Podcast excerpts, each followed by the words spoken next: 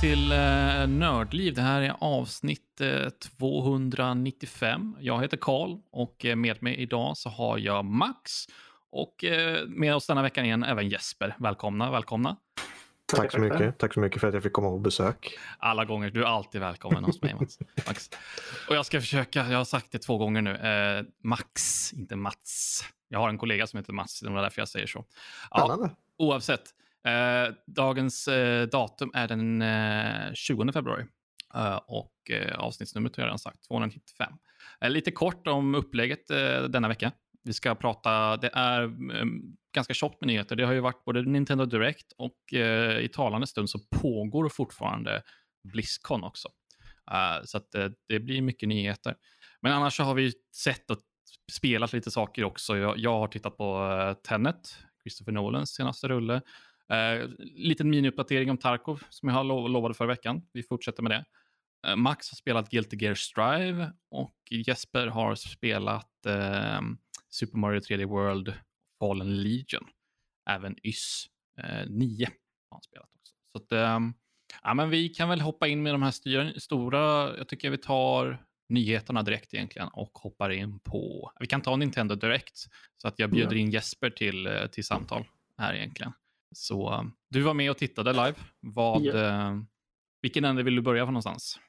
Vi kan börja från eh, första början egentligen. Mm. Uh, startar ju upp med en eh, Super Smash Bros Ultimate karaktär reveal. Eh, Mm. Och då visar det sig att uh, det egentligen inte bara en karaktär som kommer till Super Smash Bros som nästa eh, fighter utan det är två karaktärer som i princip, de är typ samma karaktär eh, egentligen men de är lite olika former av samma karaktär och det är Pyra och Mifra från Xenoblade Chronicles 2. eh, Ett eh, JRPG eh, som är ganska stort på switchen. Eh, Och eh, ja, jag vet inte om det var så jättemånga som såg dem komma som de nästa karaktärerna.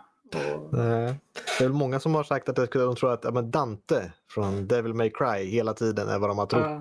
Men eh, ja, de blev överraskade av Sephiroth förra gången och något helt annat den här gången. Så att, Var det en besvikelse då att det var just det här, de här två eller var det bara, bara allmänt överraskning? Eller? Jag tror att det var en väldigt blandad skara av besvikelse och eh, hype, skulle man säga. Om man har kört Cineblade 2 eh, tror jag att det kanske är mer hype än om man inte har gjort det. Men jag tror inte det är så jättemånga som har gjort det om man tänker på stora, liksom hela eh, Smash-communityt. Så att, eh, men jag tycker att de verkar som ett väldigt roligt koncept med att man kan byta karaktär. Fungerar ungefär som typ Pokémon Trainer Mm, fungerar mm, i, menar. eller Pokémon Trainer eller Chic och Zelda i Melee och Brawl. Eh, Så det ska bli intressant att se. De kommer ut i mars. Eh, Okej, Kan inte jättelångt ifrån ändå. Nej, så det kommer säkert vara en sån här Sakurai Presents någon gång där. Så man får uppdatera mer om det här sen. När man vet hur de funkar mer. Och när de kommer på riktigt. Eh, Och sen hade vi ganska mycket filler-grejer som mycket portar. Till exempel Ja, eh, jag ser Hades bland annat. Hades eh, har redan kommit. Det är bara att det kommer en fysisk version. Jaha. En collectors fysisk Ännu mer version. filler i så fall. Ja. Det, Men det var bland annat Legend of Mana som är Mm. ett gammalt JRPG från eh, Super Nintendo, eller inte Super Nintendo, det var PS1. Mm. Och på det JRPG så är det väldigt intressant för att introlåten är på svenska. Jaha, det visste inte jag. på, sjunger på svenska. men det Så är att, liksom eh, ett japanskt, japanskt utvecklat spel och alltihopa. Ja, det är samma som Secret of Mana, en Mm. uppföljare till det. Så det kommer någon gång där i juni, tror jag. Eller sommar. Jag kommer inte riktigt ihåg. Och sen hade vi an- mycket andra grejer. Jag såg att det var kommit till portar, Apex Legends, Outer Wilds, Samurai Warriors, Ghosts Alltså- and Goblins. Ja. Jag måste bara säga att Apex Legends ser så fruktansvärt fult ut på Nintendo Switch. På de det, var, det var liksom resolutionen på marken. Alltså, nej. Det måste ju vara svårt med ett Battle Royale-spel som är så stort ändå att få det på plats. Jag vet ju redan, jag, jag blev lika besviken. Jag körde City Skyline som också är något här lite stort. Mm. Också väldigt Mm. besviken på switchen och grafiken såg ut. Så de har väl lite svårt med stora miljöer. Ja, och sen det här med att det är multiplayer, så tänker jag, de flesta sitter väl på wifi med sin switch också. Kom, hur Ja, kommer det se ut med latenser och grejer? Jag vet fan. Ja, man måste väl köpa till en eh, extern eh, Ethernet-port, någon sån här Ja. converter, Ja, USB-grej. USB-C till Ethernet. Om, om man nu Ja, ska vara så det. dedikerad att, ha, att spela liksom online och ha, ha, ha bra ping och sådana saker. Det hjälper ju inte om Ja. ingen annan har det. Så. Nej, nej, precis. Nej, det märker man i bland annat Super Smash Bros Ultimate. Mm, Eh, Mhm. det kan jag tänka mig. Och sen hade vi, eh, jag, jag ser det här framför mig nu lite mer, eh, Mm. Stubbs the Zombie in Rebel Without a Pulse. Ett spel från eh, något väldigt skumt och lite typ komiskt. Eh, zombie, man spelar som en zombie. Det är från något Xbox-spel som har portats. Eh, Från 2005 ja, kommer det, är det från början. Ja. Sen hade vi även eh, port, eller releasedatum på No More Heroes 3. Mm. Kommer i augusti. Eh, Neon White, något slags plattform kortspelgrej. Eh, verkar lite smått intressant. Eh, Mytopia. Eh, spelar som din egna mis som du skapat i ett RPG typ. Det är Ja, just kort, det. kort från 3DS. Eh, Project Triangle Strategy. Eh, från utvecklarna av eh, Octopath Traveler. Eh, 2,5D RPG som Mm. eh, gjorts väldigt snyggt på Nintendo Switch eh, Eh, tidigare kommer det här och det är ett strategi-RPG. Det är mycket politik och sånt. Du ska få folk att rösta för din sak och lite sådana saker. ja. Och, eh, Louise var ju ett jättestort fan av Octopath Traveler. eh, Ja, det var jag med faktiskt. Ja, men då så. Eh, så att det båda väl gott ändå. För att jag förstod det som att ehm, estetiken var väldigt bra i de spelen. Alltså riktigt snygga.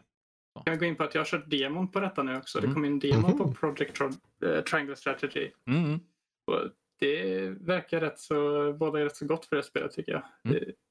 De har typ gjort det ännu snyggare än Octopath nästan med detaljer och sånt. Och det, ja, jag tror att det kan bli riktigt bra. Det var väldigt kort demo så jag kan inte säga så mycket mer om Ah, det. nej. men- Ja, man, får ju, man märker ju, ser sen när, eh, vad ska man säga, när he, helheten om man säger så. Men Mm. det är, det är snyggt eh, faktiskt.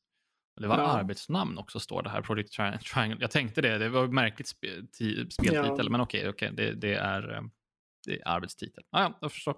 Ja, det hette ju så. eh, Pro, eh, vad heter det?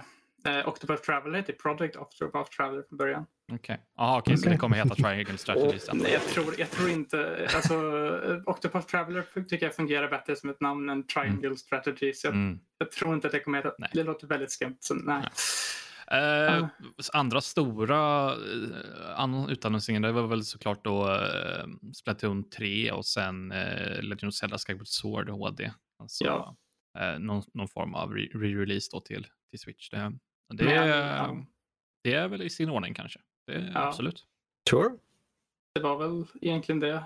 Eh, De nämnde även att eh, vi måste vänta lite ett tag till innan vi ser mer av The Legend of Zelda Breath of the Wild 2. Men att Okej. vi kommer få nyheter senare i- under året. Men då är alltså, om jag tolkar det där rätt så är Breath of the Wild 2 mer eller mindre liksom bekräftat att det, det är på gång eller? Ja, alltså det, det var en trailer 2019. Mm. Eh, En announcement trailer som Mm. visade typ väldigt lite egentligen. Mer bara att det kommer. Och, Mm. och lite så här temat att det ska vara lite mörkare än de tidigare. Alltså, Okej. Ja. Mhm. och sen Lite så här Ocarina of Time med Jorah's Mask. Typ. Ja, precis, tänkte jag säga det. Ja, ja. Lite så är det faktiskt, verkar det som. Eh, och sen så uh, kom ju en uppdatering då i eh, höstas, lite granna, som ungefär exakt samma uppdatering egentligen. Det, går, det går smidigt och bra med utvecklingen, men att vi får vänta lite längre. Och det var ju då när Hyrule Warriors Ace of Calamity, det här uh, Muso uh, Warriors-spelet i uh, Mhm. Zelda-universumet annonserades. Och så nu igen då när eh, den här Nintendo Directen. Jag skulle chansa på att vi får se någonting runt sommar, höst. Kan vara i samband med, det har kommit lite läckor från insiders om att det kan potentiellt finnas en Nintendo Switch Pro på gång. Och att det kanske kan komma i samband med det, eh, tänker jag i så fall. Men det, det är ju en vecka såklart. Och. Nu får ni hjälpa mig här. Någon som kommer ihåg när switchen kom från början? Vilket år är det? Typ fem år sedan eller vad är det? Oj, det var... fyra år sedan. eh, Fyra år sedan. 2017. Det känns som att det var jättelänge sedan den kom. Mars 2017, okej. ja. Mm. ja, det är klart att det har hänt lite på teknikfronten, men jag tänker ju samtidigt att eh, det är inte nödvändigtvis prestanda som är liksom stora fokuset när man köper en Nintendo Switch. Men ja, Nej, jag har en det Pro-version så kör vind. Det är det här handhållna som Mm. egentligen är det största. Eh, Ja. Och sen hade vi då Splatoon 3 som var det allra sista de visade. Mm. Det verkar vara lite mera typ postapokalyptiskt. Eh, I trailern fick man lite så här att det kanske kommer finnas ett bra single player-läge. Eller ett intressant eh, single player-läge från vad man ser i början. Eh, det är någonting som faktiskt gjort ganska bra för det är egentligen ett online multiplayer-spel men de har ju ganska bra level design och sånt i sina single player Mm, mm, mm. eh, grejer. Så Mhm. att, ja. Och sen så kan vi lika gärna gå in på då, eh, vad, vad folket tyckte om eh, den här Nintendo Directen. Och eh, det verkar som att de två största eh, om, eh, som folk ser fram emot då är eh, nummer ett är Legend of Zelda Skyward Sword HD, eh, HD-remaken av eh, Legend of Zelda Skyward Sword. Eh, som i, i min mening är ett väldigt underskattat eh, spel som jag tror att det är kontrollerna som folk har mest problem med. Att Mm, man måste svinga med Mm. Wii Remote. Att det inte kanske alltid känns så jättebra. eh, Men det måste med- de ju nästan, de- det måste de ju ha gjort om vid det här laget då, att det blir mer normala kontroller om det ska släppas till Switch. Då. Det är lite mer valfritt här. För du kan ju fortfarande ha motions eh, Ja, i sina med, med Joy-Cons. Och sånt. det. Men, men det Ja. måste ändå, jag tänker det, Ja, de det gjort, kan ju inte vara det enda sättet man gör det på. Liksom. nej, de har gjort det. För det finns ju ett Nintendo Switch Lite. Mm. nu. Den är ju en sån här, bara en bärbar konsol. Du kan Ja, inte visst. koppla bort eh, från den. Och då har de ju lagt till så att man kan, eh, om man vill det, man kan göra på en Pro Controller till exempel, att man eh, använder högra styrspaken för att eh, göra svärdrörelsen och sånt. Just det. Det är intressant hur de har Mm. lagt till det. Mm. Och sen då på nummer två har vi No More Heroes 3. Eh, och ja, det verkar som att det är väl de största titlarna egentligen där som folk ser fram. Jag ska kolla. Eh, ja, inte så jättemånga på Splatoon 2 som jag tänkte. Eller 3 men, men ja, men det var väl de tre som jag tänker är de största där. Och för att gå vidare nu så tänker jag vi kan ställa frågan eh, vad eh, folk eh, ser fram emot eller eh, ja, Ja, på det- det- Blizzcon. Exakt, det är- som har utannonserats från Blizzcon. Vi, vi kan väl lika gärna glida in på, på Blizzcon också, ha det överstökat. Ja. Men vi lägger upp en om, omröstning om, eh, om eh, Blizzcon på, eh, Blizzcon på vår Discord-server. Discord. Ja. Discord. Ja. Eller Blizzcon Line som de kallar det eh, i år. Um, Mm. eh, ja, börja o- ovanifrån där. Det var ju en eh, content patch till, eh, till eh, World of Warcraft, där, till eh, utökning av Shadowlands. Och jag ska väl erkänna att det här är ju så utanför mitt medium så att jag kan varken säga bu eller bä. men, men det är kul eh, om man, man spelar WoW. Så kör vi för all del. Ja, men det var mycket folk som spelade. Jag ser fortfarande folk som hoppade på. Så det, om vanligtvis brukar man ju höra hur den nya expansionen är så dålig. Jag hatar alltihopa. Men jag ser fortfarande folk som sitter med det en del. Så att, Mm. Ja, eh, det kan ju inte vara bara dåligt den här gången. Det, det brukar ju, för en person som sitter och tittar liksom utifrån och in i, i eh, alltså WoW-communityt om man säger så, så känns det som att det har varit en cykeln konstant. Liksom, att folk har blivit jättetaggade inför en expansion Mhm. och spelar satan i typ en månad och sen bara nej. Mm. Eh, Och har de lyckats bryta den förbannelsen så är det bra. eh, Kan jag tänka. Vi får, se, vi får se. Jag sitter ju alltid i Final Fantasy 14 och bara Ja. ja, men om ni tröttnar kan ni alltid komma hit för att det, det annonsas expansioner där också och folk blir Mm. jättehypade och sen sitter de där i flera år så att Är inte det typ så här, uh, Final Fantasy 14 är oftast att det når upp till förväntningarna men att det typ överstiger dem. Ja, det kommer till precis. storytelling Så och sånt. Så att, ja, jag har ju börjat med det lite själv nu, kommit en liten bit eh, på den första, inte första expansionen utan första, första Realm Reborn som det heter då. Okej, Mm. på första området ja. Där. Typ level 40, Kampen. ja, level 40 typ eller något sånt. Mm. Men eh, jag tycker att det, jag tycker mer om det än WoW tror jag. Mm. Då har du saker att se fram emot som förmodligen alla har sagt som spelar Final Fantasy till dig. Ja. Härnäst så är det ju WoW Classic och Burning Crusade. Eh, Mhm. Det är också en sån där sak som en person som man står på utsidan tittade in.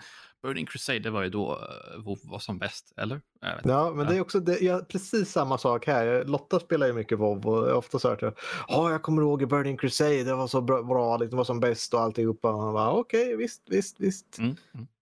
Upp till bevis nu då. Och, och jag, frågan som jag vill ställa, liksom, hur långt ska de gå med de här WoW Classic? Ska de stanna vid Burning Crusade eller ska man gå igenom hela cykeln igen? Ska, ska vi gå, liksom, gå runt, eh, komma tillbaka full circle till alla nya expansioner? Liksom? Eller ska de stanna vid, vilken var det som var typ vattendelen, typ Cataclysm? Eller ska de stanna vid kanske nästa, vilken är det? Det är ju... Mr Pandoria va? Ja, Wrath of the. Lich King har du däremellan också. Tror jag. Um, Ja. Nej, men blir det så att de kommer upp till, eh, vad var det nu, Battle for Azeroth som Mm. var den expansionen innan här när Classic kom ut va? Mm. Så att när den kommer upp till dit då släpper de en ny Classic. Sen Ja. kan de hålla på så i all evighet. Så. Nej, alltså jag känner ju att anledningen till att folk ville köra Classic var att typ köra grundspelet i Ja. princip. Att man, man vill inte ha de här expansionerna för de tyckte att det förstörde allting.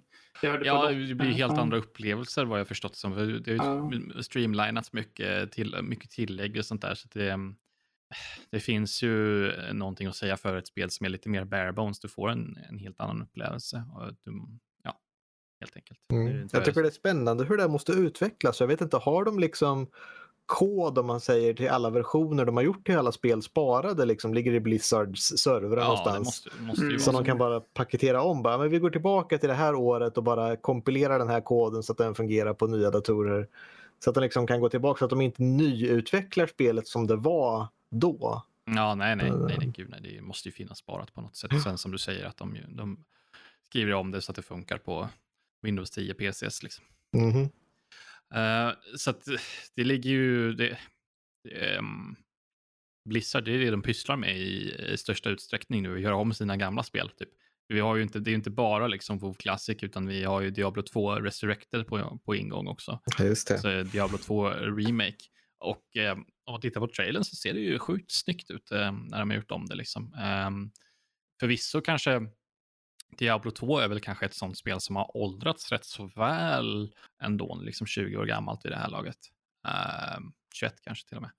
Ehm, Mm. men visst, eh, fixa widescreen support, eh, gör lite mer eh, eh, spritesen, gör dem mer detaljrika. Ja, Mm. varför inte? Det kommer Vi får ju se. Det, de har väl lite mer konkurrens med Path of Exile den här gången också. Och eh, sen tror jag väl också... ehm, ja, vi såg hur det gick med Warcraft 3-remaken. Mm, Så vi får, visst är det så. Mm. den såg visst också så. bra ut och var väldigt mycket hype. Så vi, vi väntar och ser. De Ja. måste få tillbaka lite grejer därifrån. Eh, det verkar ju ändå ganska lovande när det kommer till vissa saker. För man, eh, det skulle finnas tillgängligt på de flesta plattformar med cross-save. Mm. Eh, så Mhm. man kan typ eh, köra på vad man vill i princip och bara köra vidare på något annat sen. Sen har de även då att man kan, man kan köra med eh, det gamla också. Man kan Mm. ju trycka på någon knapp där så Ja, men ändrar det det, tillbaka. så, sånt där är ju liksom, det tycker jag ska vara standard vid det här laget. Ska man göra Mm. en remake av sitt gamla spel, då ska det finnas en knapp så man kan växla grafik. Så man kan sitta och bara, ja, men så där fult var väl inte spelet när det begav sig för 20 år sedan. Typ jag och typ Halo. Här bara, ja, men I min eh, i, i, eh, i, i sinnet så ser det skitsnyggt ut. Så som jag Mhm. minns det när man kliver ut på The Cartographer på stranden där och så bara eh, laddar man upp det. Och man bara, "Öh, vad fan är det här? så att, ja. Det är typ jag också och Legend of Zelda. Jag har i, i, i huvudet liksom att um, Ocarina of Time, det var så här skitsnyggt när det begav sig. Så går man tillbaka och det är så här jättepixelerat och, och smetiga jävla texturer till höger och vänster. Mm. Så jag, jag låter bli att spela det istället och låter det se snyggt ut i mitt sinne istället. Gjorde de inte om Ocarina of Time till Jo. 3DS eller Jo. något sånt där? Och jag Stämmer. kommer ihåg när jag såg det också så här bara. Visst, det, då såg ju det bättre ut än vad det gjorde original, men även så tyckte jag att ja, men det såg väl bättre ut än så där. Vad har Mm. de gjort på remaken då? Men sen när man går tillbaka och kollar jämförelserna så är det, ja okej, de gjorde ganska mycket. Det är ganska natt och dagen då man jämför de två versionerna. Mm. Jag eh, körde ju faktiskt, jag har bara kört 3DS-versionen faktiskt. Det var typ Mm. min, jag är lite yngre då så jag hade ju inte en 64 så jag, 3DS var ju typ min första ingång till uh, Ocarina of Time. Och jag tyckte ändå att det hade åldrats ganska bra för alltså spelmekaniskt och sånt då. Oh ja, herregud. Mm. Det, är, det är väl eh, inte något kontroversiellt att säga att Ocarina of Time är lätt och bästa spelen någonsin. Eh, Mm. Så att, eh, ja, herregud. Det har åldrats oerhört bra. Eh, Diablo 4 Diablo 2 hade vi där. Ja, eller ja, det, det, jag sa ingenting om Diablo 4. Det är på, det är på ingång också. Eh, och det skulle tydligen innehålla lite PVP och, och sådana där saker. Eh, de släppte en trailer, uh, en cinematic trailer. Och det är ju någonstans, jag tycker så här, det är en av Blizzards S i rockärmen är ju deras cinematic uh, 3D-trailers. De är så sjukt bra. Oh ja. Det är det jag ser fram emot mest med alla WoW-expansioner, är att när de släpper en ny trailer, jag som inte spelar, spelar, äh, spelar expansionen, liksom, och det kommer en ny cinematic trailer. Det är så sjukt bra. Uh, ja. Mm. Jag kände samma sak för Overwatch-grejerna som kom ut. Mm, Även mm. om jag inte spelade spelet längre. Jag spelade lite när det kom ut bara, men sen rörde jag inte det. Men så bara, åh, det kom ut en ny film liksom från Overwatch om en karaktär. Ja. Man känner att de gör så typ mycket bra stories. Så. Ja, man kan ju bara undra varför, varför sätter de inte bara sitt team där och gör en film för guds skull. Mm. Gör en Warcraft-film eller någonting. Eller bara vad som helst. Liksom. Bättre än eh, den andra riktiga, eh, den som kom på bio, den här Warcraft. Eh, Tyckte att den Warcraft-filmen var faktiskt helt okej. Okay. Alltså det var ju inte något så här um, jätteimponerande så, men jag tyckte den var helt okej. Okay. Jag har sett den två gånger. Typ. Helt okej okay var den, men jag menar de skulle kunna gjort den snygg med...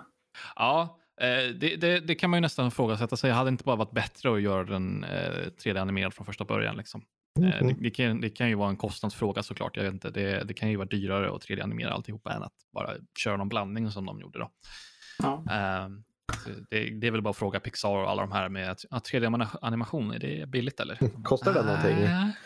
Det är väl gratis. Det är bara du tar en modell så du behöver göra en gång och sen är det bara att animera den, liksom dra i skelettet lite på den så är det klart sen. Jättelätt. Det är bara en person som behöver göra. Ja, precis.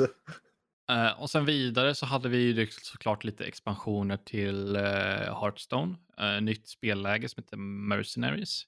Och sen så såklart en, bara en kortexpansion också.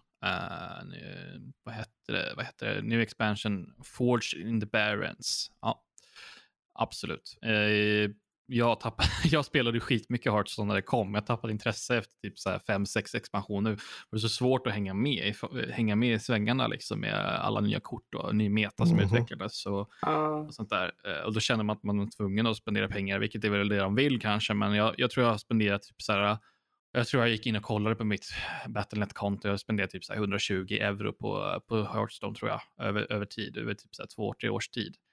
Och eh, ja, där får du fan vara nog. Ja, okay, ja. Jag, körde betan gjorde jag den innan det kom ut typ. Mm. Sen så tröttnade jag lite på det efter ett tag. För alla var så bra på det typ. Man kom lite högre upp. Så att liksom, ja, ja. Nej. Antingen fruktansvärt sjuk grind för att köpa paket, kortpaket med eh, bara med guld i, i spelet eller så bara bara ja, mm. eh, hosta upp stålarna liksom. Um, och sist men inte minst då så var det väl uh, Overwatch eh, 2 helt enkelt där. Um, och uh, nu ser jag någon, någon artikel här uh, och att de ska tänka om hur tanks fungerar i Overwatch 2, vilket jag välkomnar något fruktansvärt för att det var ju också det spelet, jag spelade det när, när det kom så körde jag in skitmycket, typ ett mm -hmm. halvårs tid och sånt där. Men sen så, ska man säga, solidifierades tankmetan ganska rejält. Att det var man spelade typ fyra tanks, en healer och någonting annat. Det var typ det alla spelade. Det var bara massa tanks som flög överallt hela tiden. Det var så tråkigt efter ett tag. Nu kanske metan ser helt annorlunda ut vid det här laget, men då var det så fruktansvärt tråkigt. Ehm, jag förstår, jag förstår. Det ja. låter segt. Uh, alltså precis, så det var ju liksom, handlade bara om de, det laget som lyckades få in mer tillräckligt med med, med DPS någonstans. Det, var så trög, det fanns en sån enorm tröghet i alla matcher. Det var så segt fram och tillbaka i och med att alla hade så här 7 KP och, eh, och så hade man en healer i bakgrunden som satt och healade alla hela tiden. Klart att det krävs lagspel också, men fortfarande tråkigt. Liksom, ja, men det är tråkigt inte... när en strategi blir så överdriven. Ja, och sen så kan man inte spela någonting annat för att spelar du någonting annat än en tank eller healer, ja då förstör du typ för ditt lag. Kul. Ja, är, och alla skriker på det. Det är bra toxic environment. Ja.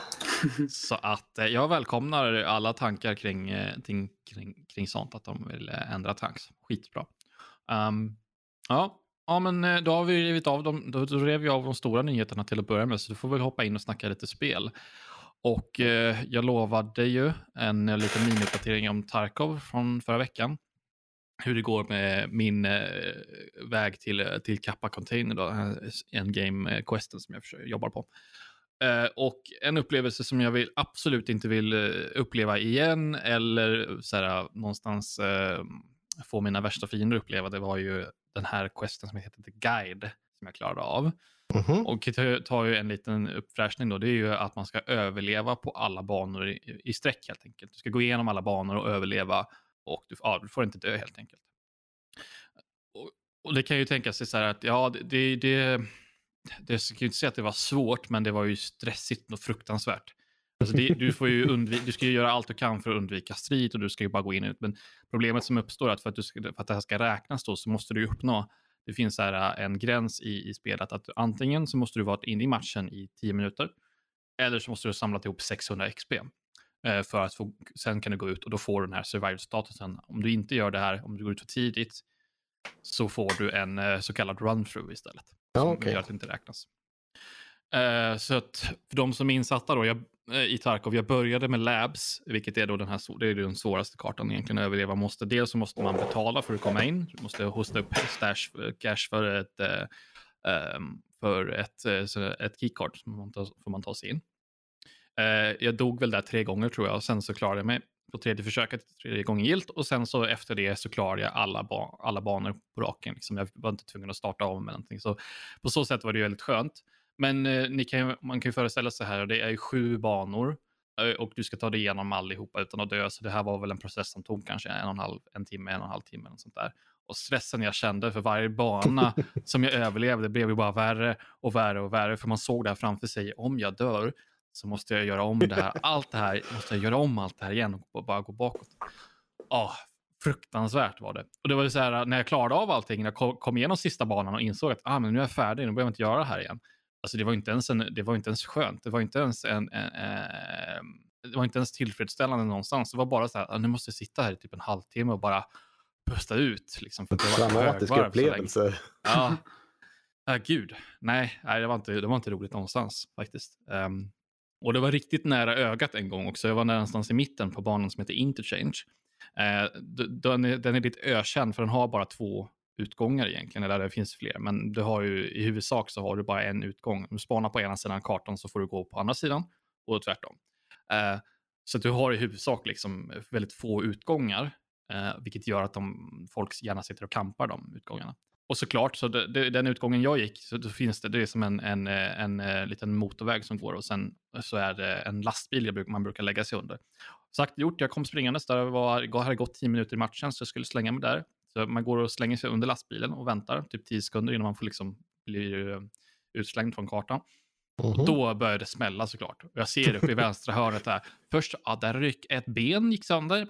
Ah, shit! Och så, så ett till ben och då efter den eh, personen i fråga skjutit sönder båda mina ben, då kom jag ut. Alltså mitt hjärta var ju verkligen... Nej, alltså jag tror jag, jag måste ju ha, min kropp måste ju fått så mycket extra kortisolstresshormon Alltså på, på den här timmen eh, än vad jag fått i, i eh, resterande av förra året eller någonting. Det var hemskt. Ja, du överlevde faktiskt krigszonen med två ben bortsprängda. Var... Ja. Ja, så att det- nej, det var inte alls bra. Ehm, Men i, i övrigt så var det faktiskt alla andra banor så gick det um, alldeles utmärkt. Eh, Inga, inga större incidenter. Men usch, vilken sadistisk quest, rent ut sagt. Fruktansvärt.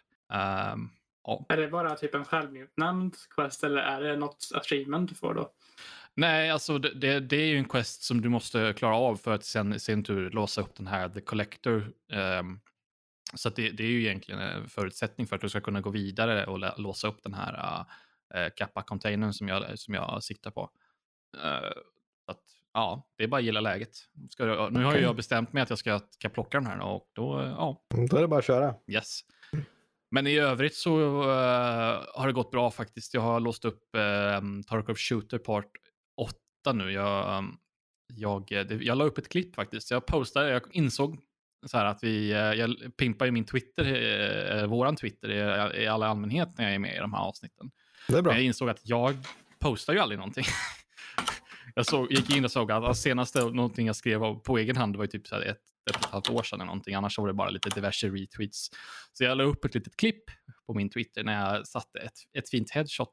Och då eh, klarade jag av eh, en av Tarkov Shooter, Tarkov Shooter-questen. Plus att jag fick en um, Shooter Born in Heaven headshot också. Det är ju de här när man ska skjuta en fiende på ska döda en fiende med headshot på över 100 meter. Okej. Okay. Ja. Ehm, och då fick jag eh, en sån också. Så att det, det finns på Twitter och se. Ett riktigt nice. snyggt skott om jag får säga det själv. Jag mm. utsökt. Jag gjorde det riktigt bra om jag får säga det själv.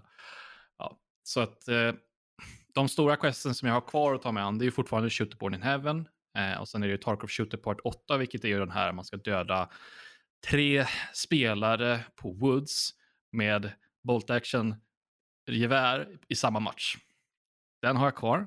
Uh, och sen har jag den här Insomnia, man ska döda 30 spelare på natten mellan 23 och 05 i in-game. Bra namn. Ja, uh, alltså det är så sjuka, sjuka sadistiska quest. Men å andra sidan, jag tycker ändå att det är rimligt för att det här ska ju vara någon slags, som jag sa innan, endgame achievement. Um, så det, det ska ju såklart vara krångliga quests. Men Battlestate Games, de vet verkligen hur man sätter dit den. Alltså det, de är sjukt duktiga på, på, på jobbiga quests. Ja, det var väl de.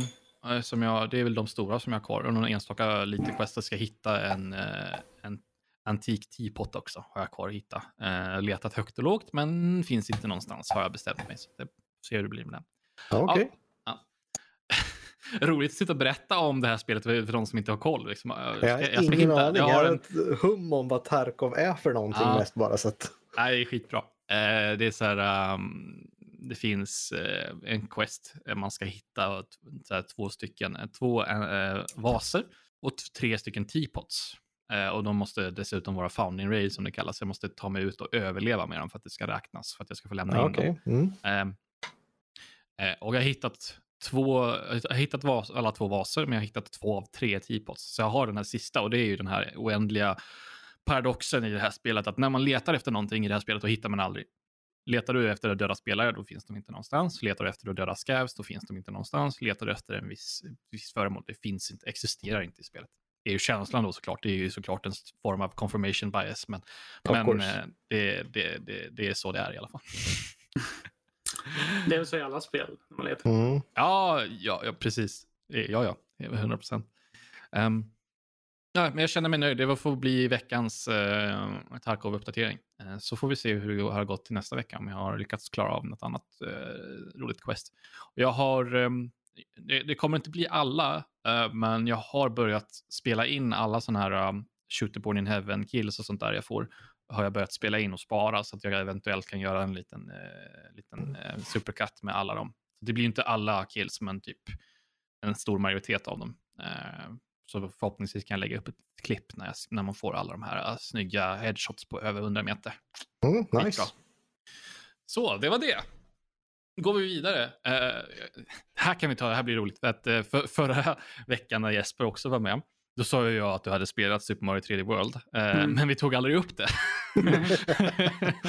så att då, då, då tar vi, plockar vi upp det ämnet nu istället och går in på det. Mm. Men jag tänker så här, Super Mario 3D World det är väldigt existerande spel och sen Bowsers Fury, är det någon form av tillägg då eller hur funkar det? Det kan man typ säga ja. Mm. Uh, eh, 3D World är ju ett spel från Wii U från början. Ett, en blandning av det traditionella 2D Mario som man hittar i typ gamla 2D Mario-spel och lite nyare också. Och uh, eh, 3D-spelen som typ 64, Galaxy Sunshine. Okay. Uh, men du går runt på lite mer öppna ytor i 3D Alltså inte jätteöppna ytor men det är fortfarande linjära banor du följer eh, som i dem. Så är det typ i 3D också. Så du har lite mer dynamiskt hur du kan röra dig runt och sånt. Mm. Eh, och ja, det är inte så jättemycket jag kan säga om det. Just grundläget mer än att det typ är som vanliga 2D Mario blandat med 3D Mario och det är bra Mario-kvalitet liksom. Det, ja, ja, men det håller upp standarden i alla fall. Ja. Men det som är mest intressant att prata om egentligen här är Browsers Jury, eh, tillägget som det är helt i 3D dock. Det är open world eh, med en världskarta. Eh, Bowser har blivit stor och galen, typ Godzilla-liknande svart kaiju-grej, typ nästan Dark Souls-liknande karaktär. och han är på mitten av kartan. Och typ var 50 minuter eller någonting så hoppar han upp och börjar attackera dig. Eh, och eh, målet är att du ska fånga, eh, att du ska hitta catch shines eh, på banorna. Eh, det är ungefär som eh, månar eller stjärnor från Mario Odyssey eller Galaxy eh, som du hittar på banorna. som eh, är gömda bakom lite pussel och lite plattformingutmaningar och sånt. Och när du har hittat tillräckligt många sådana så låser du upp, låser du upp en gigabell. Där du blir till en stor jättekatt och kan möta honom i strid. Och göra det här till, om du gör det här tillräckligt många gånger så kommer du eh, till slut få död på dem. Så det, det är en liksom suspens hela tiden att försöka undvika honom medan han kommer upp och att anfalla dig samtidigt som du ska klara av de här utmaningarna på den här ön, eller ölandskapet av, fyllt med katter. Så det, det, det, det är ett typiskt tema här i Mario 3D World. Eh, du har en katt power-up och grejer som du kan klättra på väggar med och sånt. Kul. Men eh, det jag tycker är intressant är hur de kommer ta den här eh, två till tre timmars långa eh, expansionen som det här är till framtida Mario-spel. Om de kommer ha mera öppen värld, utforskande och sånt som de har i det här spelet eller om de kommer gå tillbaka till mera traditionella Mario-spel. För jag tror att de har ganska stor potential att göra rätt mycket med det där 3D-stuket på framtida Mario-spel. Och uh, om du vill ha en mer uh, ingående blick på det här spelet så har jag skrivit en recension på nördliv.se. Så det är bara att läsa du den. ser, då tycker jag att ni går in helt enkelt. Eh, lyssna färdigt på avsnittet, men sen mm. kan ni gå in på nördliv.se och läsa Jespers recension. Ja, mycket katter. Det är väldigt hopp mm. därifrån Tarkov till Super Mario. Du har ingen power-up i Tarkov som gör det till en stor gul kattdräkt så du kan springa runt. Eh. Nej, det skulle ju vara orealistiskt. Ja, eller hur? Mm. Så kan vi inte ha det. Det här är ett seriöst spel, eller? Nej. Mm. Nej men det, alltså, eh, jag, titt, jag, jag satt och smygtittade lite på, eh, på en, någon liten gameplay-trailer här. Så det, det känns ju som att um, Mario och Nintendo, de har ju gjort de har ju förfinat det här konceptet till, ja det är, mm, de vet ju exakt vart de har det och hur de, hur de ska bygga de här spelen och de håller ju en enormt hög kvalitet varje gång känns det som. Mm. Så att, det går ju liksom inte att klaga på de här spelen. Bara, ja, det är väl samma koncept sen, sen 80-talet förvisso. Men, men, man kan ju inte bli sur på det ändå, känns det som. Mm. Det är typ standard med Nintendo. De kör samma serier, Zelda, Mario, som de alltid har gjort. Ja. Och lägger till lite nya som typ Splatoon och sånt också. Men mest är det Mario, Zelda och Animal Crossing och sånt. Men de har alltid gjort det. De har, de alltid, alltid gjort det bättre och förfinat det för varje ja. typ generation som har varit på något sätt. Mm. Jag tror att eh, det ligger lite med eh, statusen själva IPn har om man säger. Mm. För jag vet också så när eh, om man får säga att ja, jag ska jobba på nästa Mario-spel eller Zelda-spel. Då tror jag som utvecklare eller designer eller mm, artist eller vad du är för någonting. Då ger du ditt allt för det är en väldigt stolthet att jobba på det. Så jag tror de har det också. Ja, för jag hörde mycket om det när folk jobbade på Final Fantasy 7-remaken var det väldigt många som var, liksom, Final Fantasy 7 var deras favoritspel som de mm. växte upp med, som nu har blivit utvecklare och sånt där. Så när de jobbar på det, det är, liksom, det är inte bara jobb utan det är verkligen, eh, de ger sitt allt för stoltheten att vilja jobba på det. Så jag tror det är lite så med de Nintendo-spelen också, att de är lite legendariska i branschen. Så. Mm, det är samma sak med Final Fantasy 7-remaken tycker jag också, att det är väldigt polerat och fint och bra. Och mm. Det känns som att de som utvecklat har eh, varit fans av originalet. Ändå. Så att jag, jag tror det. Det är lite så här att dagens generation som jobbar på det här har ju växt upp med Nintendo. Mm. Det tror jag man har sett på uh, Sonic-spelen. Det känns som att det finns vissa liksom, fanmade spel och sådär folk som faktiskt tycker om det. Så finns det de som bara har cashat in på det och det har gått helt åt skogen. Men... Ja, det hade ju det med Sonic Mania som släpptes för några år sedan. Det är ju ett fanmade-spel som blev eller det, mod, alltså det var moddare till typ original Classic Sonic först. Mm. Som gjorde det. Och sen så blev de hyrda av Sonic-teamet för att de tyckte att det var så bra så de gjorde Sonic Mania åt dem. Och det, det, det har ju varit ett jättemycket högre kvalitet än till exempel Sonic Forces som de släppte som blev helt sågat. Så, ja. ja. Det ligger ändå någonting där. Jag tror det där är en jättesvår balans ändå. Att eh, om man ska ta in en, eh, folk som håller så, spelserien i så, så alltså, stora fans. Ja. Det kan slå bakut också tror jag. Att um, på något sätt kanske inte vågar göra vissa saker eller ta uh, spelserien i nya riktningar och sånt där. Mm. Men å andra sidan så tar man in ett, så stora fans och gör ett spel, då vet de ju å andra sidan, de vet ju vad som gjorde spelet bra från början också. Så man inte tappar det heller. Uh, så att, Ja, skulle, skulle man få vara lite försiktig med det där tror jag. Mm. Um, ja, bra. Då ska vi se här. Nu ska jag ta upp eh, listan så vi vet vad vi kan gå vidare till. Um, vad ska vi ta? Max. Ska vi ta lite fightingspel? Ja, såklart. Vad, uh, vad ska vi annars ha det här för? Klart du ska Ja, diskutera fightingspel. Uh, Guilty Gear Strive. Mm, det är viktigt att de har, det är Guilty Gear 4 egentligen, så i Strive så I och V blir 4 som är lite highlightade där. Ah, Så- så okej. Mm, Mm. Nej, det, Guilty Gear har ju varit en klassisk anime fighter med baserad på heavy rock och det är ju någon japansk nisse som var, spelade lite eh, hårdrocksmusik och bara jag ska göra ett fightingspel och byggde det själv typ. Sen har det gått iväg. Så han har många gamla metalband eh, som namn på karaktärer och sådär. Det är som eh, posterboy-killen som heter Sol Bad Guy.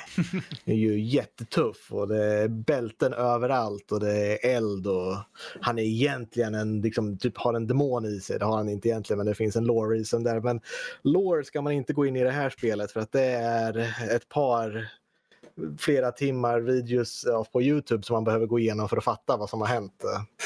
Hur många, vilket eh, spel är det här i ordningen om man säger så? Går det att pricka? Det är lite så här att vi har ju Guilty Gear och sen Mm. har vi typ inte Guilty Gear 2 utan vi har Guilty Gear X. Och sen Mhm. har vi Guilty Gear XX.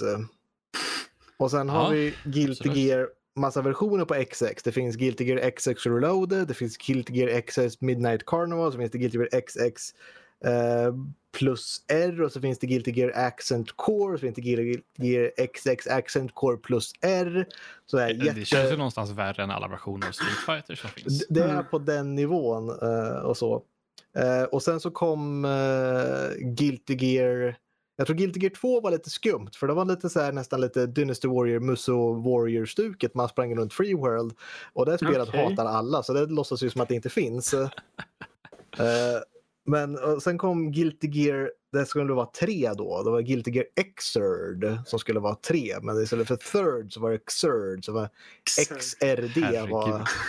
Eh, och det kom också som Guilty Gear Xrd Sign och sen så kom det Guilty Gear Xrd Revelator och sen Guilty Gear Xrd Rev 2 som är Revelator 2. Det revar till igen där. Så att det är typiskt fightingspel. De säljer lite dåligt så att de får släppa samma spel. Typ så här, när de patchar spelet så släpper de spelet helt på nytt så att du får köpa ett helt nytt spel som är egentligen samma. Eh, en lite dålig grej men fans av fightingspel står ut med det så att eh, de köper det så de fortsätter ju göra det. Ehm, Gud, då blir ju någonstans Guilty Gear Strive är ju någonstans en rimlig titel i så fall jämfört med allt annat jag Ja. sitter med Wikipedia-sidan uppe. Eh, Mhm. Då är ju nästan det här eh, förbättring vad gäller eh, titlarna. Mm, så att eh, vi har haft en eh, öppen beta nu för att testa Mm. netcoden. Eh, Ja. För det var det stora grejen att när det kommer till fightingspel så kämpar vi alla mot den gamla delay-based netcoden som det heter då. Mm. Som verkligen väntar på att okej, jag får konfirmation att du har gjort den här grejen. Eh, och sen så när jag har liksom acknowledgat den då skickar jag tillbaka vad jag gjorde lite och sådär som Eh, Och då, då laggar spelet ganska mycket i ett fightingspel om det är så att det är eh, långt mellan varandra. Man har väldigt Ja. hög ping. Då det. tar det ganska lång tid för allting att komma emellan. Och man brukar komma undan där genom att ha delay. Som man säger att ja, men om vi säger att vi har, om man tänker ett spel går i mm, 30 FPS eh, och eller 60 är väl mer standard och så 60 FPS och ja, men vi har ett par frames av delay. Att, ja, men vi, när du trycker på en knapp så väntar vi eh, typ eh, 3-4 frames kanske innan det kommer ut. Eh, och på så sätt får spelet lite mer tid att tänka på, hinner acceptera saker eh, och sånt där. Eh, men det blir väldigt jobbigt för att om du trycker om det händer någonting och du vill reagera på det, liksom, oh, nu gör han den här knappen eh, och kommer med den här attacken, då ska jag slå tillbaka med den här counterattacken här. Men om du har en fördröjning inbyggt i spelet på alla dina attacker så blir det ett jäkla segt spel. Det känns Mm, inte mm. responsive. Det var Ehm, någonting som jag la märke till på Street Fighter 4, att de hade väldigt tydliga attacker och det var så här, allting, det kändes som i alla fall när jag testade på det, att så här, alla attacker verkligen var, ehm, vad ska man säga, eh, uppdelade. Man ser att de var så upphackade så här att ja, Mm. slog en, ett slag där och så, så stannade animationen stannade lite upp nästan. Och sen kom nästa och sen kom nästa. Det var inte att det var det här följsamma flytande in i varje slag utan det var verkligen Mhm. så här ett slag i taget. Så här. Dack, dack, dack, dack, dack, liksom. Det är ett problem med många spel. Eh, till exempel då Super Smash Bros. Eh, Mm. Det är på Switch till och med också. Så att det är liksom... Mm. Wifi blir Mm. aldrig bra. Nej. Så har de rollback i Drive då? Det är precis det betan som har öppnats nu den här helgen som jag har suttit och kört. Att de har uh, annonsade alla skrek på rollback netcode. Det var liksom, såg man en livestream bara hej vi ska visa våra nya karaktär och man ser Twitch-chatten bara sprutar förbi rollback netcode är allt som står. Mm. Så att eh, en, en lite väl aggressivt på ett stackart japanskt företag men eh, de har gått med på okej, vi gör det här och de har tagit utvecklare som bland annat jobbat på Killer Instinct som Okej. är hyllade för bland den bästa netcoden i fightingspel som utvecklats i modern tid och nu är det typ tio år gammalt eller något sånt där men ändå. Eh, japanska företagen har varit lite, eh, lite efter när det kommer till den här eh, netcode-delen för att de vill oftast säga ja men det funkar för oss här borta och det funkar för Japan är inte ett jättestort land ändå Mm. och de har väldigt bra internet där men Just det. eh, Just det, just globalt så kan det vara lite problematiskt. Så att, eh, det har varit väldigt häftigt att se hur det här funkar. Själva netcoden har varit toppklass verkligen i den här betan.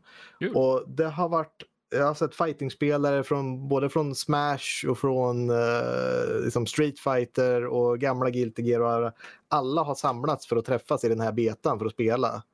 Eh, så att det har varit riktigt kaos. Alla säger att ah, det här är spelet jag ska köra och alla sitter och tränar och kör som det är på riktigt fast det bara är en beta som håller sig under helgen.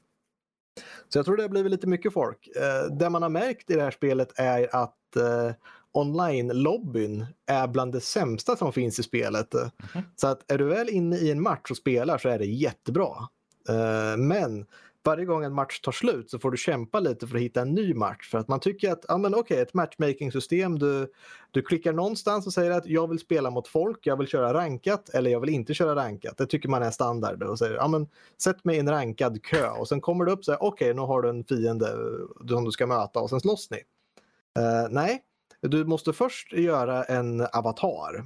Eh, och det ser ut som något här lite Habbo Hotel liknande lite. Du ska göra din 2D-pixlade avatar som springer runt. Och, eh, jag tror den här lobbyservern har definitivt inte rollback netcode för att den är nog så laggig det kan bli.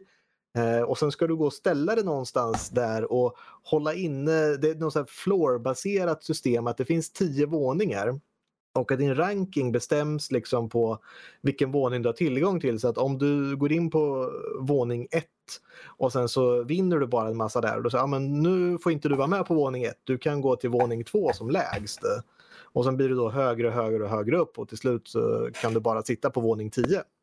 Eh, och alla kan gå upp till högre våningar men om du är duktig nog så kan du inte gå ner till lägre våningar. Så det är så de har tänkt sitt rankningssystem att eh, man fastnar på den våningen som man säger som är ens, på ens skillnivå. Känns ju lite dumt. Du måste ju få något sätt att gå ner. Om Alltså, du förlorar tillräckligt mycket så kan du bli demotad så att du Ah, får okej. tillgång Mm, till en tänkte väl lägre det. våning igen. Ja, ja. Och sen har de det att om du vinner tillräckligt mycket på tionde våningen så kan du få gå upp till Celestial Realm där Fighting Game Gods resides. ja. Eh, och du kommer in som en challenger där och får prove din worth. Ja. Och det är alla de som har vunnit de här turneringarna som sitter där uppe och spelar. Så det är lite, lite kul ändå men eh, Dit kommer du sen. jag sitter fast på nionde våningen just nu och det är bara för att min specialitet ligger i de tre första dagarna i ett fightingspel. Då kan jag klå nästan vem som helst för folk har inte klurat ut hur man vinner i spelet än. Nej, nej. Jag är väldigt snabb på att klick. lära mig men jag har en väldig begränsning på att lära mig något mer. Så att eh, jag hittar någonting som funkar och sen så slutar det funka och jag lär mig ingenting nytt därefter. Så att, eh, Jag brukar ha Mm. samma upplevelse när det är ett nytt Call of Duty släpps. Då kan man, för då har, när ett nytt kod släpps, då har ingen ko- koll på alla banor. Då kan man springa runt som en Precis. jävla galning och då kan man vinna på liksom att bara vara kanske snabb på att skjuta. Men sen så efter ett tag så klurar alla ut alla, alla pass man kan ta i en bana, vart liksom alla spelare kommer ifrån och då har folk så jävla bra koll och då kan man inte göra så länge. Och då är inte Mm. kod roligt längre. Det är precis samma sak i fighting-spelet här fast jag fortsätter och trycker i det i alla fall fast jag får stryk. Så att, Eh, men eh, ja, det där lobbysystemet, du springer runt på din våning där och sen ska du hålla inne någon knapp för att sätta din ready state för då håller du fram ett vapen. Mm -hmm. Och det betyder att okej, okay, nu är jag, vill jag slåss. Och då måste någon annan person springa fram och, och liksom utmana dig när du står med vapnet Jaha. framme. Så okay. det är så convoluted och folk hatar den där lobbyn. Och den är så laggig och buggig att du står och sen bara, ah, nu tar jag fram mitt vapen. Då blir du teleporterad till något annat ställe på rummet och där går någon fram och liksom trycker på det och så blir det initializing non match och sen så blir det connection fail to opponent och så, så buggar det ut lite så står det där. Jag, menar, jag har spelat med folk som jag har haft över Discord, vi har suttit och talat. Och sen har vi liksom bara, okej, okay, ja, men nu har du ditt vapen framme. Ja, men nu går jag fram och klickar på dig. Ja, nej, okej, okay, det här failade. Uh, okej, okay, ja, men nu tar jag fram mitt vapen igen. Nej, men du har inte vapnet framme på min skärm. Okej, okay, prova att ta bort det och ta fram det igen. Och, Gud, hur fan ska man lyckas matcha med någon, någon, eh, någon främling liksom, om man inte knappt kan få ihop det med någon man sitter och pratar med? Mm. Ja. Mm. Men äh, det finns, man kan gå in som tur i ett training mode om man säger och matcha där så att under mm. tiden du står och tränar så kan du matcha det och tänkt, men vad bra, då behöver man inte det. Men vad jag har sett är att när du går in i training mode och säger jag vill matcha mot någon så sätts upp en avatar i den liksom, flooren du var på så att även om du inte är där så är du fortfarande där och någon måste gå och utmana dig eller så blir det en matcher mot andra som sitter i training mode där. Så att, eh, ja, det, det, har, det har eh, mycket kritik det där men vi får se. De ska släppa mer saker också och de kommer att få mycket kritik. Men rollback netcoden är så bra att folk överser det här. Alltså matcherna som har varit, jag har liksom sett de här legendariska matcherna som man brukar få vänta på ett, en gång om året när fighting game-turneringen är att liksom alla fysiskt träffar på en plats och man får mm. se de här, liksom, de här gudarna från Japan slåss mot de som tränar upp i USA och alltihopa.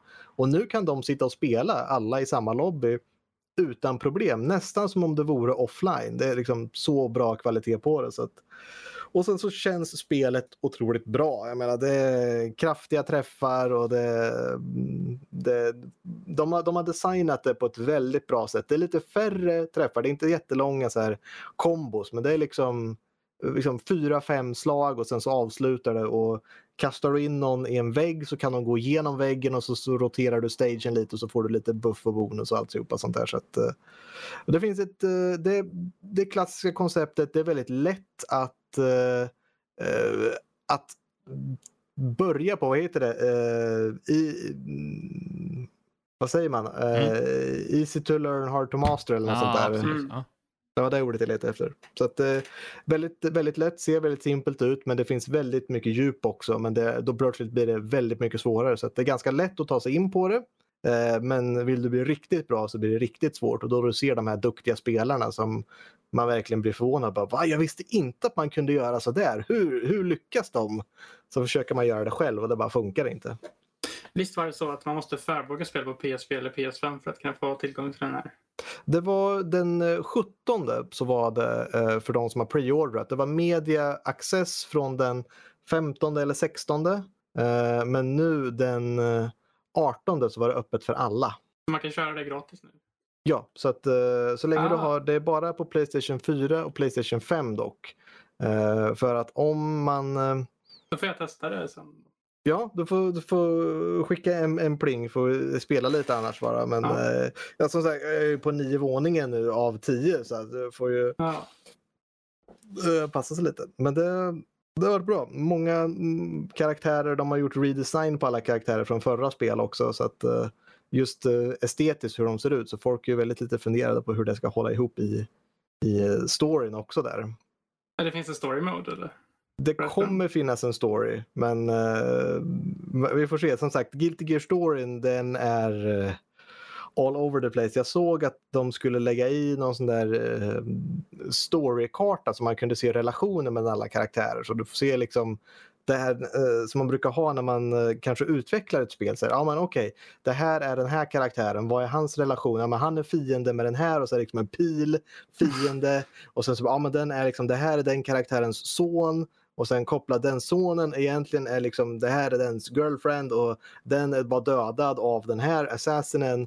Så tydligen ska de lägga till en hel sån i spelet så att man kan försöka få någon overview över storyn, hur folk hänger ihop. Så att, eh, Pilar överallt, ingen förstår något ändå. Ja, ja, men det är lite så. De bara, "Ha, va, det, och det är mycket liksom som bara, okej, vem är det här? Ja, men det är den här personen, fast han är samma person som den här personen. Och den här personen, han är egentligen död, men hans kropp har tagits över av den här grejen. Men så lever han igen, för han kom tillbaka på grund av den här grejen, för den här offrade den här grejen. Så att, ja, det är så convoluted, men det blir spännande att se. Så att, ja, jag ska spela vidare på spelet när vi är klara här sen. Så. Mm. Det är ett folk. bra, bra betyg om något i alla fall. Ja, det, det är jättekul och jag kämpar mig igenom lobbysystemet. Att, eh, och det är som sagt, folk säger det att jag hatar lobben men vi har rollback så jag är nöjd. Det är väl inte bra att vara nöjd så men eh, vi Och så kanske vad de de sitter i nästa Twitch-stream där bara "Rob- lobby system, lobby system, lobby Ja. system Det, de- det skulle röst. inte förvåna mig om alla bara skriver i all caps fix lobby system. Mm, japp. Eh, så är det när man har de här nischade spelen, så här jävla inbitna, sjukt inbitna, in, inbiten fanbase. Då, då brukar de vara rätt så hö, högljudda och, och eh, måna om att få sin åsikt. Så är det. Så är det. Eh, så, vad kan vi hoppa vidare till? Jag tänker lite filmsnack faktiskt. Eh, Ja, har du sett ja. någon bra film? Ja, för andra, andra gången var den bra i alla fall. Eh, jag tittat på, eh, på Tenet, eh, Christopher Nolans senaste rulle från förra året. Ehm, och jag förstod det som att det var ingen av oss, eh, eller bara, bara jag som har sett den här.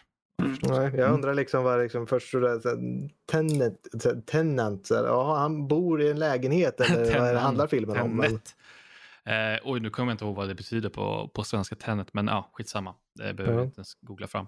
behöver Ehm. man se filmen baklänges också för att förstå den? Ja, det ligger någonting i det du säger. Ja, Eh, jag hade en aning om det. Ja, nästan. alltså, om man, kanske skulle, man, man skulle eventuellt kunna redigera ihop lite så att det blir lite split screen. Man kan se scener. För att du får ju, Jaha.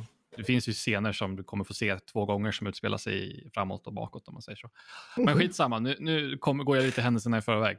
Eh, Christopher Nolan är lite känd för att leka mycket med tid och rum i, i sina filmer. Det är väl eh, Interstellar där som är, eh, känns nä, nära till hans. Även lite i Dunkirk också. Det, det är ju inte som att det var någon tidsresor där, men i Dunkirk så hade det ju tre eh, tidslinjer som syddes ihop i slutet där. Om man säger så, man följer ju tre olika karaktärer. Det var med, med de här eh, soldaten på marken och sen eh, piloten och eh, de här eh, civilisterna som åkte ut i båtarna. Eh, så att han, eh, uppenbart så gillar han att leka med tidslinjer och sånt där. Och det här Mhm. har väl dragit, tagit till sin spets någonstans i Tenet. Och helt ärligt talat, jag vet inte vart jag ska börja och förklara vad den här filmen går ut på. För att liksom hela syftet med filmen, den är två och en halv timme lång. Hela liksom, hela, vad ska man säga, konflikten uppdagas inte riktigt förrän typ en timme in-ish. Alltså det, du har ju coola action och det händer saker. Och de, liksom, mycket exposition, extremt mycket, många gånger som karaktärer sitter, antingen sitter de på en fin restaurang eller så typ går de ut på gatan och förklarar nu ska vi göra så här för att rädda mänskligheten. Och, och sen så går de och sätter sig vid ett restaurang. Bara, kan du hjälpa mig att rädda mänskligheten? Det här är viktigt. Jag bara, Nej, jag vet inte om jag vill hjälpa dig att rädda mänskligheten. Så Det är sjukt mycket, sjukt mycket exposition. Och Det var så här, första gången jag, jag har sett den två gånger nu, första gången jag såg den så eh, var jag hemma hos min syrra och jag kan väl inse nu i efterhand att det kanske inte var det bästa sättet att se eh, Christopher Nolans krångligaste film hittills. Eh, på det, i, det, det, i det, i den miljön för att det var ju barn som sprang runt och, och hade sig och jag hade väl inte riktigt full fokus på filmen och där, efter jag gick därifrån och hade sett filmen då, då tyckte jag att den var skit. Då tänkte jag att nu har ju fan Nolan tappat det helt och försvunnit upp i sitt egna arsle eh, någonstans. Och liksom så här, vad var det ens det här? Vad, vad var ens syftet med hälften av filmen? Och det så här, tycker du att det är imponerande någonstans att du har gjort en film som är svår att förstå? Bara, Nej, okej. Okay. Men sen tänkte jag att ja, det, alltså, det är väl någonstans syftet att man ska se den två gånger för att man ska se saker som man missade sist. Så jag tänkte att ja, men det är klart, jag tittar på den en gång till. Så den här gången så gör jag det hemma Eh, på liksom egen kammare och, eh, och eh, kan ha full fokus på filmen. Och där kan jag ju säga att där var den ju mycket bättre andra gången. Alltså hängde med hela segment i filmen, fick sitt syfte. Ah, jag fattar, vad är poängen här? Vad hände här? Um, och så vidare. Och så vidare. Så att jag tror att det är nog meningen. Nolan vill nog att man ska se den två gånger. Uh, men det jag tänker säga att om du inte kan ge filmen maximal uppmärksamhet från första sekund till sista, då ska man inte titta på den. För då, det är en sån film att tittar du bort en minut, då, då, då tappar man bort sig helt. Och eh, då försvinner syftet med hela scener och man tänker ah, men det här är bara action för action. Åh, vad komplicerat det där var. Varför gjorde de så där för?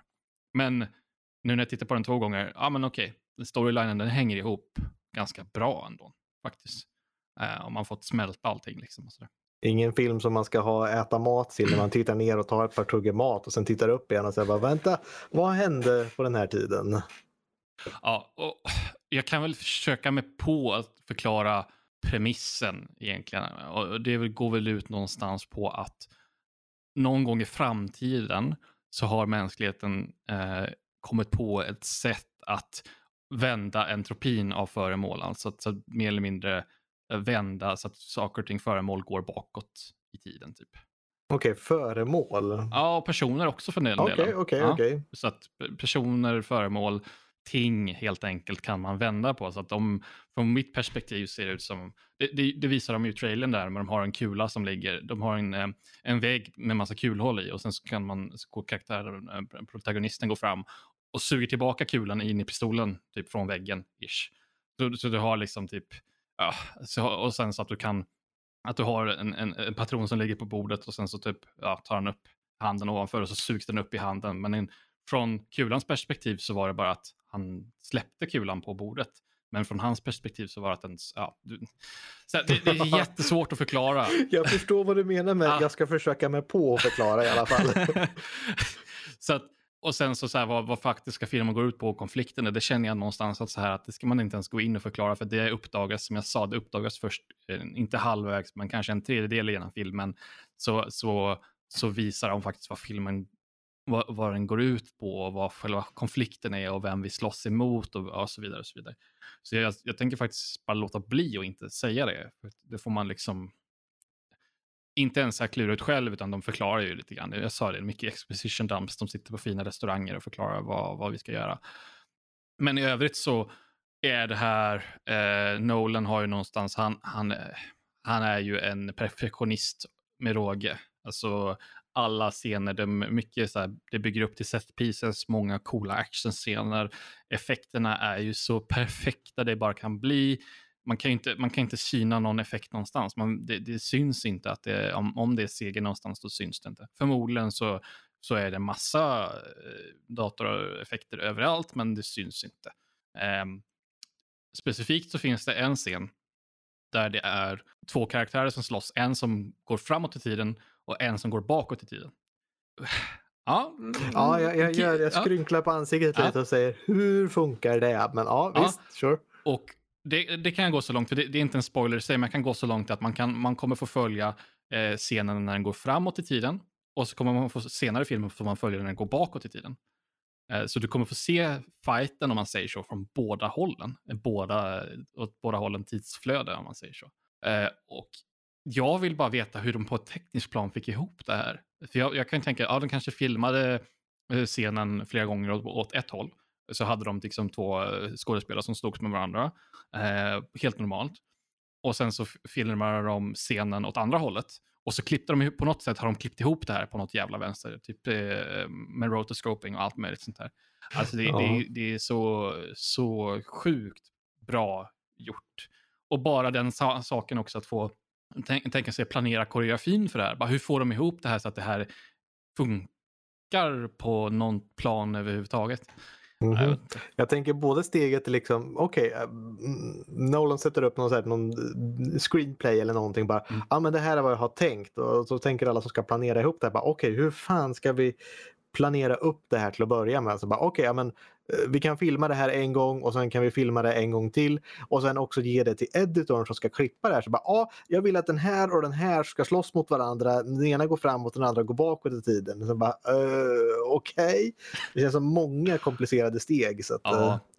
Om jag, jag måste såga i fel ord, men om jag måste ta upp någonting negativt på något plan så är det så att de, de är de använder sig av, som jag sa, med mycket exposition dumps och sånt. Det är mycket, i många fall så, det kanske var därför jag missade första som gången jag såg den, att jag missade mycket, att de, där de har så här, istället för de kör tell don't show. De berättar vad som kommer hända istället för att visa det. Jag tänker särskilt med så tidshopp och sånt och då tänker jag inte att det, när de byter ordning, ordning på tiden att det går bakåt eller framåt utan då tänker jag mest att när de visar på att tiden ska ha gått uh, längre framåt att vi har, ah, men här har vi har gått från, eh, eh, för en minut sedan så var det så var vi här och sen nästa minut, nu är vi uh, två veckor fram i tiden och det har en väldigt stor betydelse för för storyn i sig, man måste, för att förstå för att man ska hänga med vad som händer.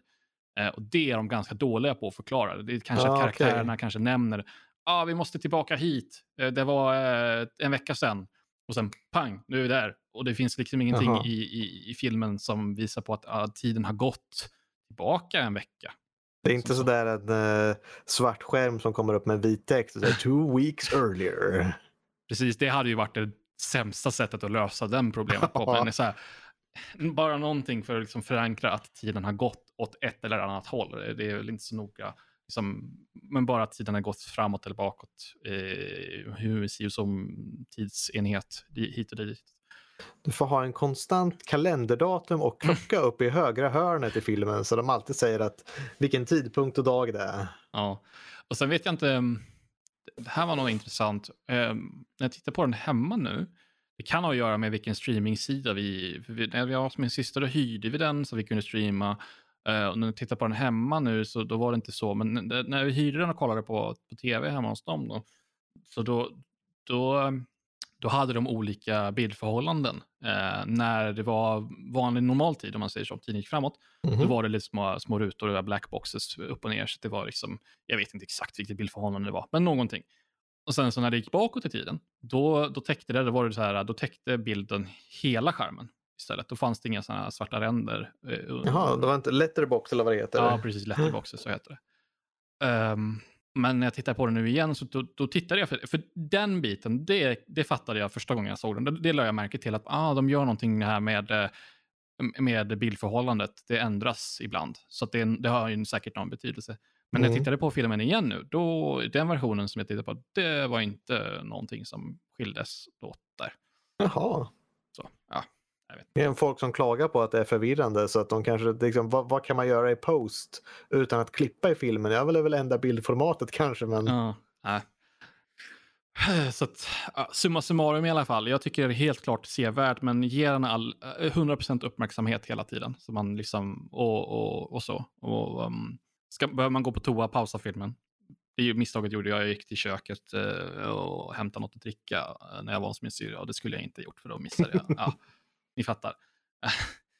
um, och ge den all uppmärksamhet i världen som finns. Uh, men den är bra. Jag, jag, tyckte, när jag gick därifrån första gången tyckte att den var alldeles för pretentiös. Men nu när jag sett den igen så är den, den var faktiskt, så farligt var det inte. Det var bara jag som inte gav eh, tillräckligt mycket uppmärksamhet för att hänga med. Den var faktiskt riktigt bra.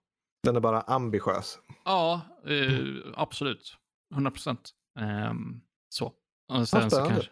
Ska ta och se. Ja, det tycker mm. jag. 100 procent. Den var bra. Så, andas ut. Eh, mm. Tidsmässigt, vi har eh, lite tid kvar. Vi kan ta upp något mer ändå. Vad ska vi prata om? Eh, lite smånyheter. Ja, det här tyckte jag var lite gulligt. Det är roligt när så här, tas lite så här kuriosa nyheter ta med. Det var det här med eh, att eh, Halo 3 um, ska få en ny karta. Alltså, en Halo 3, det ja. var väl länge sedan det var relevant. Det var 2007 liksom... kom det ut. Var det så nyligen? Jag tror det var typ ännu längre sedan. Ah, nej, nej, nej. Eller jag vill, det är min gissning på rak arm i alla fall. Jag vill minnas att det var 2007 jag fick det i alla fall när jag skaffade det. Ska se. Jo, september 2007. Ja, jag, kom, jag minns rätt. Um, och alltså Halo, det är väl, eh, MCC är väl någorlunda poppis på, eh, på PC nu för tiden. Um, och så det, det, är ju inte en sprillans ny bana på det viset. Det här är ju från, banan kommer från början från Halo Online, vilket var liksom en, en vad ska man säga, PC-version av Halo som fanns, endast fanns i Ryssland förr i tiden. Det var lite det som födde hela den här grejen, tanken med att eh, folk vill ha Halo på dator. Mm. Um, så att det är inte en sprillans ny karta på det viset. Eh, men ändå nytt, om man säger så. Vilket är roligt, för senaste gången de fick en, fick ett nytt, en ny karta, det var ju när de släppte, eh, vad heter det, ett map pack till Halo 3. Och det var ju typ så här 11 år sedan eller någonting. Att, Ja, men det, det är ett tag sedan. Det, alltså, jag vet inte ens vem som har liksom befogenhet att släppa någonting nytt till ett sånt gammalt spel.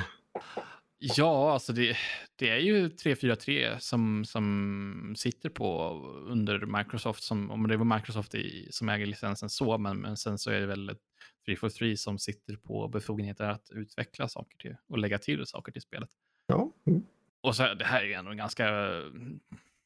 Om det Eh. redan fanns en karta och de behövde bara liksom kanske konvertera eller bara Mm. göra någonting så är det relativt lugnt. än att ju, Bara sätta sig. Okej, vi ska ta ett utvecklingsteam och utveckla en ny karta som vi ska släppa. Mm.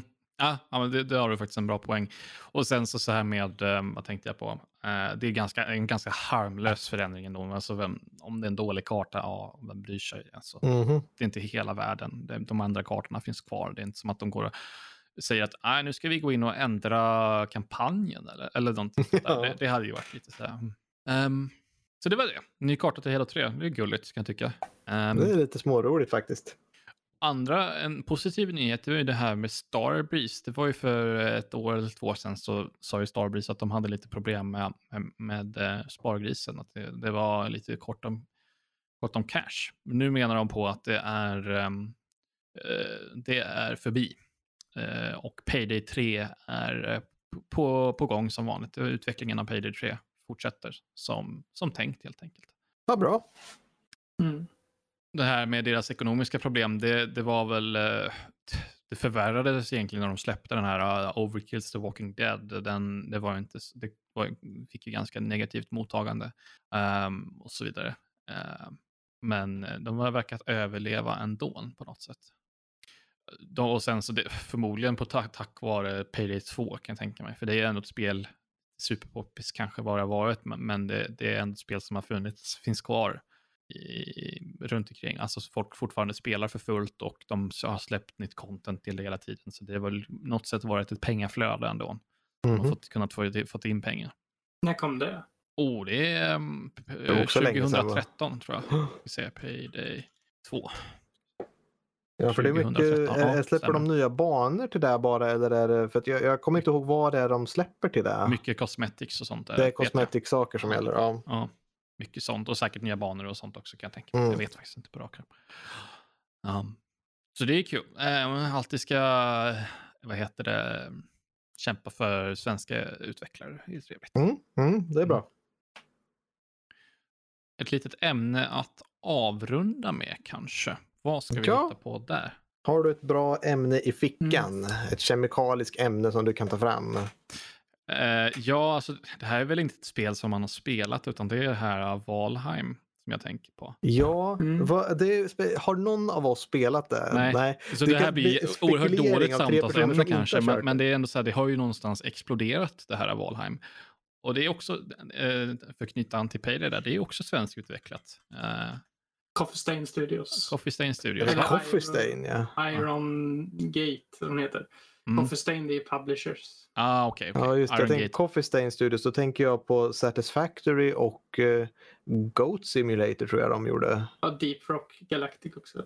Just är de som gör det med. De har gjort många bra grejer. Att det Mm. kom från, tror- var det första de gjorde det här Goat Simulator som egentligen är ett skräpspel men har blivit väldigt populärt. Så att, eh, Ja, jo men det- deras senaste spel har haft mycket mera production value skulle jag det har säga. varit väldigt bra. Jag menar, jag sitter fortfarande och ser fram emot eh, Update 4 i Satisfactory så att jag har en ursäkt att ge mig in på det igen och det är helt otroligt. Det är, det är konstigt hur mycket satisfaction man får av maskiner som bara står och mm, gör någonting. Mm. Senast skulle de ju köra någon sån här eh, fracking där man, liksom, man, man hittar någon eh, resurs av gas eller vatten något, så får man ta något som pressuriserar det så stiger det upp saker som resource nodes runt omkring den och bara att se den maskinen sitta och, och trycka liksom, man står och tittar på den. Ja, det, det är vackert. Ser, då så. Ja, Eh, men Valheim, vad, vad är det för någonting då? Det Ja, det, jag har inte fått riktigt grepp om det också, men det är någon slags eh, survival eller open world crafting-spel. Tredje persons så här, historia. Som sagt, dåligt ämne att ta upp när ingen av oss har spelat det, men det, det är ändå roligt att se att det har nått så enorm popularitet och att någonstans, det är ju inte så dyrt heller på, på Steam om jag minns rätt, typ så här 16 euro eller någonting. Jag ska kolla här. Valheim. Ja, Ja. 1679 till och med, specifik siffra. Mhm. Um, Det är inte så mycket. och det är någonstans, det kan man ju tycka jag kan hosta upp liksom bara för att testa och se om man tycker om det själv. Och sen så för all del att stötta Iron Gate där, en svensk utvecklare från, från Mhm. Skövde. Klart man ska, ska hjälpa till om på traven då. Mhm. Eh, Men eh, å andra sidan så behöver vi inte, alltså, de har ju, jag vet inte vad senaste siffran är, men det, är ju, de har ju, det har ju gått bra för dem. Eh, 100%. Alltså rent försäljningsmässigt. Från lilla Skövde också, en liten orten stad. Liksom. Mm. Det är ju, alltså, det visar ju någonstans på att Sverige har en ganska bra eh, spelutvecklarbas. Vi har ju även sett släppet av Little Nightmares 2 i den här månaden. Ja, just det. Det har gått Ja. ganska bra för det med skulle jag tro. Eh, fått blivit ganska hyllat. Det är ju Malmö-utvecklat tror jag. Så att ja, svenska marknaden går ju framåt. Helt klart. Mm. Ja, jag, får, jag får sätta mig och utveckla ett spel snart också känner jag. Här, så. För fem dagar sedan så la de ut på, på Steam här att de har ehm, eh, sålt två miljoner kopior. Det är bra. det är Ja. ganska bra som en liten... Alltså jag undrar vart player- den marknadsföringen kommer ifrån eller om det bara är word of mouth. Ja, jag, jag vill nästan tro det. Att det är, det är en i stor del word of mouth, Twitch-streamers, allt möjligt. Mhm. där. Jag tror Twitch har hjälpt till oerhört mycket. Vi har ju sett många av mina favorit-streamers, Tarkov-streamers och sånt som, som tar en paus från Tarkov och spelar de Valheim istället.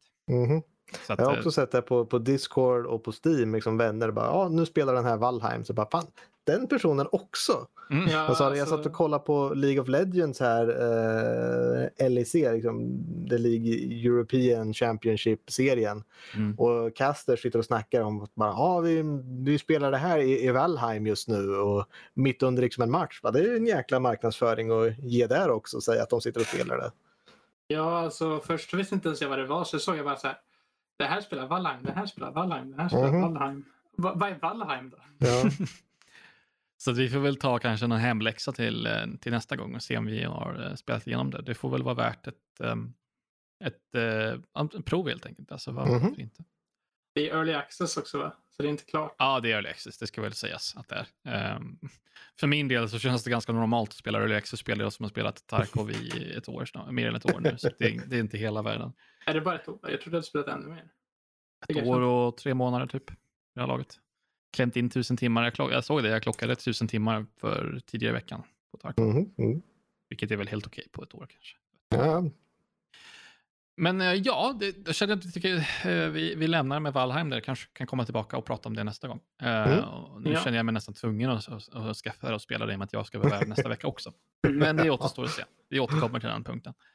Ehm, men ja, uh, runda av det här avsnittet. Tack eh, Jesper och Max för att ni var med.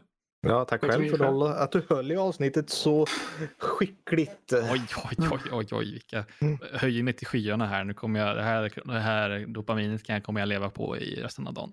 Mm. Ehm, men vill ni ha mer av oss förutom i eh, avsnittet så, så kan man ju såklart gå in på nördliv.se. Eh, där finns det först och främst då artiklar, recensioner om spel, men även nyheter. Eh, och sen ehm, så har, finns vi ju på Twitter, där jag har ett inlägg nu.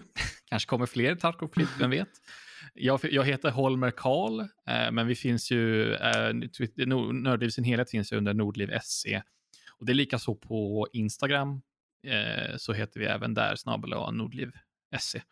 Finns eh, ni på, på sociala medier? Max, finns det Jag där? håller mig borta från sånt. Ah. Jag har min Ja. egna Teamspeak-server som jag hostar från min egen dator. Det är där ni hittar mig. Ja, då så.